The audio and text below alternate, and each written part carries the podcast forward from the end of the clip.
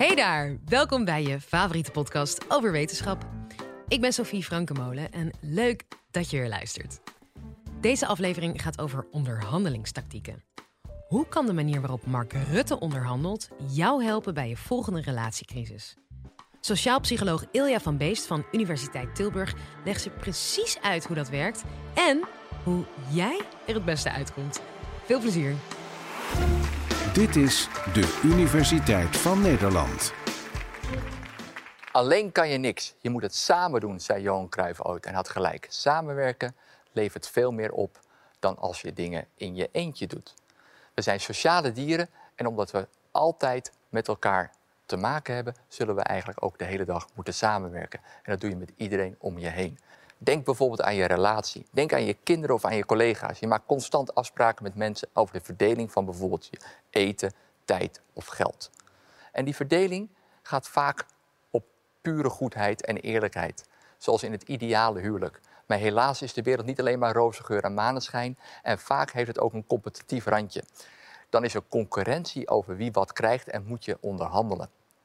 Mensen die dan aan zichzelf denken en zoveel mogelijk willen profiteren, gedragen zich op een bepaalde manier om dat voor elkaar te krijgen. Bijvoorbeeld door boos te worden of door zichzelf heel erg groot, sterk en machtig voor te doen. Ik ben een sociaal psycholoog. Ik doe onderzoek op het snijvlak tussen hoe mensen zich gedragen en wat het hen oplevert tijdens een samenwerking. Ik kijk daarbij vooral naar zogenaamde coalities. Dat is een afspraak of een bondje tussen twee of meer personen of partijen die tegen elkaar zeggen: we gaan het met elkaar doen. We gaan samenwerken om een doel te bereiken. En dat doel dat kan natuurlijk van alles zijn. Het kan geld zijn, het kan het land besturen, zoals in de politiek, maar het kan ook gewoon zijn een gelukkig leven, zoals in je relatie. Wat dan interessant is, is dat er vanuit een sociaal-psychologisch oogpunt niet zoveel verschil is tussen bijvoorbeeld een liefdesrelatie of een politieke coalitie. En ik beweer natuurlijk niet dat het kabinet Rutte op dezelfde manier tot stand is gekomen als jouw huwelijk of relatie. Maar er zijn wel degelijk overeenkomsten. Net als Mark Rutte heb je waarschijnlijk goed nagedacht over je keuze. Je hebt misschien ook andere opties overwogen. En sommigen van jullie hebben zelfs meegemaakt dat die relatie niet zo stabiel was als je dacht. Toen je elkaar in de ogen keek en beloofde eeuwig trouw te blijven. In dit college ga ik jullie vertellen hoe mensen zich in het algemeen opstellen in samenwerkingen, waarbij je dus moet onderhandelen. En dan heb ik het eigenlijk over situaties van het kabinet tot huwelijk. En ik wil het punt maken dat we slecht zijn in het inschatten wat nou een goede tactiek is. Waarbij ik vooral het punt wil maken dat het nogal uitmaakt of je met z'n tweeën bent of met meer. Een eerste vraag bij samenwerken die ik met jullie wil behandelen, is de keuze die we maken bij het selecteren van een geschikte partner. En hoe je je dan aan die anderen wil laten zien. Het leuke is dat mensen eigenlijk best wel voorspelbaar zijn. Ook jij, ook ik. Stel, je moet straks een taart verdelen en dat kan je met z'n tweeën doen of met z'n drieën doen. En voordat we die taart gaan verdelen, wil ik dan eerst weten wie wil jij dan zijn? Wil jij dan een groot en sterk zijn, gemiddeld, of juist klein en iel? De grote meerderheid van de mensen kiest voor groot en sterk zijn. Ik ook. Ik ben opgegroeid in Amsterdam-Noord en ik kan jullie vertellen, ik moest wel eens vechten. En dan dacht ik bij mezelf, ik verloor namelijk, was ik nou maar wat groter en sterker geweest. Maar waarom willen we dat nou? We denken waarschijnlijk, als ik groot ben, dan heb ik macht. Nou, dat heeft er waarschijnlijk mee te maken dat als je groot bent, dan denk je dat je ook je wil kunt opleggen aan een ander. Dus als je dan aan het samenwerken bent, dan denk je bij jezelf, ik kan bepalen hoe de wereld hier eruit gaat zien. En inderdaad, als je met z'n tweeën bent, dan is het ook vaak waar. Dan heb je een groot voordeel van groot en sterk zijn. En dat is natuurlijk niet letterlijk groot en sterk. Het kan ook gewoon zijn over de macht die je hebt. Als jouw baas bijvoorbeeld tegen jou zegt dat hij een groter stuk van de taart krijgt, hè, gewoon meer salaris bijvoorbeeld, dan is dat een gegeven en dat staat echt niet ter discussie. Maar nou komt het leuke. We moeten even terug naar onze situatie. Daar waren we niet met z'n tweeën, daar waren we met z'n drieën. En uit onderzoek weten we dat wanneer mensen met ze laten kiezen met wie ze dan van die drie de taart willen verdelen, dat ze dat het liefst niet met de grootste doen. En dat die dus wordt buitengesloten. Ik zei, stel, je bent met twee andere personen. De ene is groter en sterker dan jij en de ander is kleiner dan jij. En jullie mogen nu onderling bepalen hoe je de zes stukken taart wilt verdelen.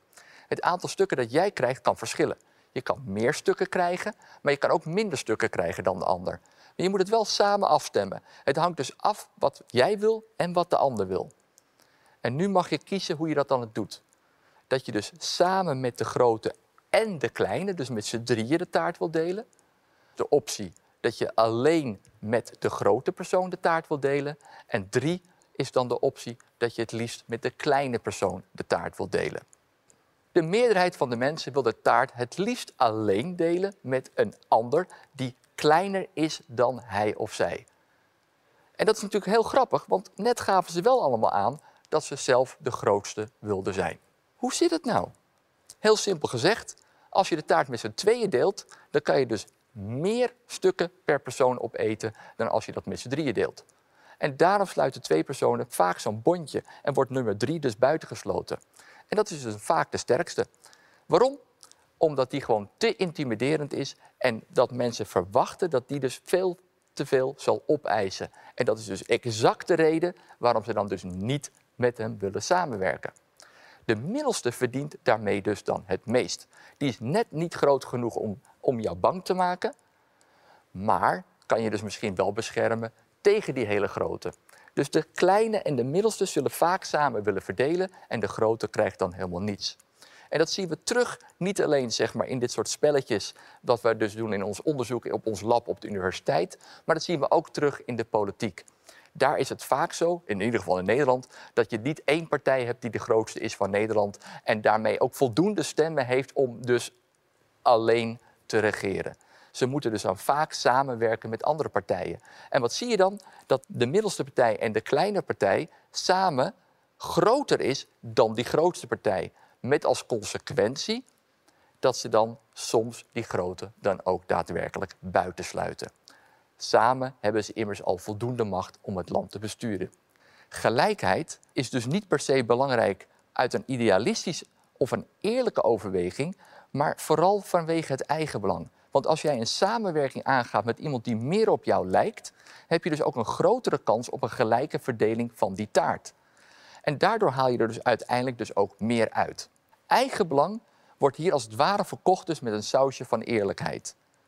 Goed, we hebben dus nu gezien dat een driepersoonssituatie, waarbij je dus rekening moet houden met dat je binnengesloten kunt worden of buitengesloten kunt worden, dat je in de deal zit of niet in de deal zit, iets fundamenteel anders is dan een tweepersoonssituatie. Want bij twee personen gaat het erom dat je er samen uit moet komen. Er is iemand niemand anders. Samen uit, samen thuis, het is samen of het is helemaal niks. Terwijl het bij drie personen erom gaat dat je er samen uit kan komen. Sommigen wel, sommigen niet. En het probleem wat ik dus eigenlijk met jullie wil delen, of wat, wat, ik, wat ik hier centraal wil stellen, is dat mensen zich onvoldoende realiseren dat we vaak in een driepersoonssituatie zitten. En we doen net alsof het een tweepersoonssituatie is. En dat kan onverwachte en soms ook hele ongewenste consequenties hebben. Neem nou het voorbeeld van emotie. Neem nou het voorbeeld van boosheid. In onderhandelen wordt er wel eens de tip gegeven dat je dan boos moet doen. Als ik thuis kom en met mijn vrouw aan tafel zit en ik sla met mijn vuist op tafel en ik zeg: Nee, ik wil niet naar Frankrijk op vakantie. 30 keer gedaan, nooit meer. En inderdaad, onderzoek naar tweepersoons onderhandelen laat zien dat boos worden op een bot op zich een tactiek kan zijn om een beter bot te krijgen. Als ik tegen iemand zeg, ik uh, ga niet akkoord met deze deal, dat maakt me heel erg pissig, ik word daar heel boos om, dan zie je dus dat die ander dan misschien denkt, nou, dan hoog ik het bot een beetje op. Maar werkt dat nou ook in een situatie waarin je nog aan het aftasten bent dat je eruit wilt komen met elkaar? Dat lijkt waarschijnlijk, en jullie zien het al aankomen, niet zo'n goede tactiek. Als je een coalitie wil vormen, dan zal je waarschijnlijk merken dat als iemand boos doet tegen jou, dat je dan denkt bij jezelf: hé, hey, voor jou drie anderen, hè, dan praat ik toch met iemand anders.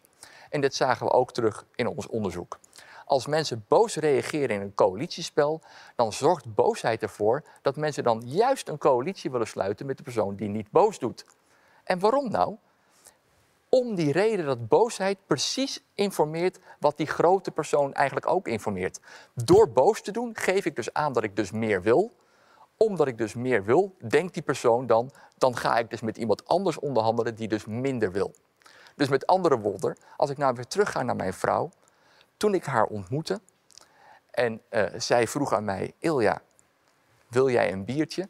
Had ik toen heel boos gezegd, wat zullen wij nou krijgen? Ik drink geen bier. Dan was waarschijnlijk dat ook het einde van het begin van een hele mooi huwelijk geweest. Dan wil ik nu, nu nog op een andere manier even terugkomen op dat verschil tussen twee en drie persoons onderhandelen. Bij een tweepersoonssituatie kom je er dus uit of niet. En bij een driepersoonssituatie zagen we dus net al een paar keer dat twee personen eruit kunnen komen ten koste van die derde persoon. En we zagen dus ook dat als je boos doet, dat je er dan misschien uit ligt. En we zagen ook dat als je je heel groot en sterk opstelt, en laten we nog even onthouden, die wilden jullie allemaal zijn, dat je dan dus ook met lege handen naar huis gaat. We weten uit onderzoek dat gewoon buitengesloten worden een verschrikkelijke ervaring is. We begonnen het college al met het feit dat we sociale wezens zijn. Wat betekent een sociaal wezen? Dat betekent dat je heel erg belangrijk vindt dat je in een groep mag verkeren. Als je daaruit wordt gezet, dan doet dat echt fysiek gewoon letterlijk pijn. En het bijzondere is dat dat bijna in alle situaties even pijnlijk is. Ook als zo'n samenwerking waar je niet aan meedoet, misschien eigenlijk een financieel voordeel zou opleveren. En laten we dan nog even een experiment erbij pakken dat wij hebben gedaan met een balspel. We zeiden tegen de mensen, dit is een balspel waarbij als jij de bal krijgt, je 1 euro kan verdienen. En de bal gaat rond en de bal gaat rond. En op een gegeven moment komen mensen erachter dat ze die bal niet krijgen. En dat vonden mensen natuurlijk heel erg vervelend. Je doet niet mee en je verdient geen geld. En wat is dan de reden waarom ze dat vervelend vonden? Is het nou vervelend dat ze geen geld krijgen? Dat ze dus hebberig zijn en dat ze dus nu arm naar huis gaan? Of is het nou dat ze gewoon heel graag willen meedoen en dat vooral een sociale component is? Om dat te onderzoeken moet je dan eigenlijk een trucje uithalen en dan draai je het spel even om. Dus we maakten nu van een balspel waarbij we zeiden van iedere keer als jij de bal krijgt, dan moet je 1 euro betalen. Dat is een soort financieel Russisch roulette. Dus iedere keer als die bal langskomt, word jij armer. Als je daar logisch over nadenkt, dan zou je dus eigenlijk moeten verwachten dat mensen dat dus helemaal niet erg vinden als ze dan niet mogen meedoen. Het kost hun immers geld meedoen en dat kunnen ze dan nu in hun zak houden. Maar wat bleek? Mensen vinden ook bij dit dure financieel Russisch roulette het verschrikkelijk om niet mee te mogen doen. We lijken dus het sociale belangrijker te vinden dan het financiële. Buitengesloten worden vinden we dus altijd erg. En dat maakt daarbij dus niet uit of we daar dus armer of rijker van worden. Maar hoe zit het dan met die personen die het buitensluiten doen? En dan zien we iets interessants. Dat lijken we namelijk alleen mee te nemen als we dan het gevoel hebben dat die ander er armer van wordt. Maar niet als we de ander er minder rijk mee maken. Het verdelen van een winst of een verlies maakt dus voor degene die het buitensluit wel degelijk een verschil. En dit gaan we weer illustreren met zo'n coalitiespel, met het vormen van een bondje, waarbij we het gaan hebben over het verdelen van geld. Neem nou het voorbeeld van 6 euro. En die 6 euro winst, die kunnen drie mensen verdelen doordat ze met elkaar kunnen onderhandelen. Twee van de mensen kunnen dan met elkaar zeggen: hé, hey, dat is geen enkel probleem. Wij samen bepalen dat wij allebei 3 euro krijgen en die derde persoon die krijgt dan niets. En let op, ze hoeven dat niet eens te zeggen. Ze hoeven niet te zeggen, die derde krijgt niks. Het enige wat ze hoeven te zeggen is van... wij met z'n tweeën pakken gewoon allebei 3 euro. En ze houden hun mond over die derde. Maar hoe zit het nou bij 6 euro verlies? Als je dat verdeelt, dan worden mensen dus eigenlijk veel eerlijker. Dan zie je dus dat bijna niemand zegt... hey, zullen wij samen bepalen dat die derde daar alles gaat betalen? Blijkbaar wil niemand een persoon zo erg belazeren dan vinden we het ineens heel erg oneerlijk. Dus bij het verlies zijn we aardiger en willen we dat met z'n allen doen. Dit betekent dat we dus eigenlijk best aardig zijn. Ondanks dat we niet helemaal eerlijk zijn, vinden we het wel degelijk vervelend om anderen te duperen. Beste mensen, we komen bij het einde van het college. Dus hoe zorg je er nou voor dat je met het grootste stuk taart naar huis gaat? Meer krijgt dan met je vrienden. Zorg er dan voor dat je realiseert in wat voor situaties je zit. Ben je met z'n tweeën of zijn er meer mensen? En pas je houding in die onderhandeling daarop aan. Met z'n tweeën en je hebt elkaar nodig.